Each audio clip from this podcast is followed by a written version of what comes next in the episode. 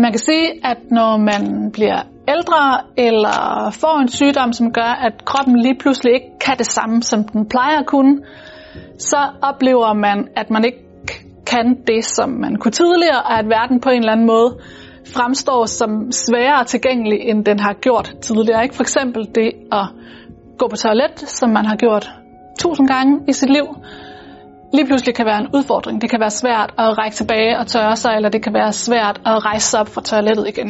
Så det, det her projekt havde til formål, det var at sige, jamen, hvordan kan man gøre nogle af de processer, som man har gjort hele livet, lige så lette, som de plejer at være, når kroppen svigter.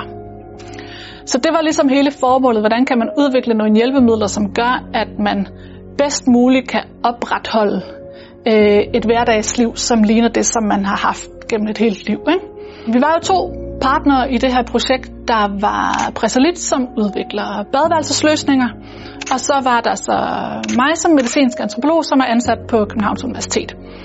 Man kan sige, at det, som jeg kunne bidrage med til Presalits produktudvikling, det er et indblik i helt præcis, hvad er det for nogle udfordringer, som øh, ældre med en svækket krop oplever, når de går på toilet, eller går i bad, eller skal vaske hænder, hvad enten det er derhjemme eller på et plejecenter.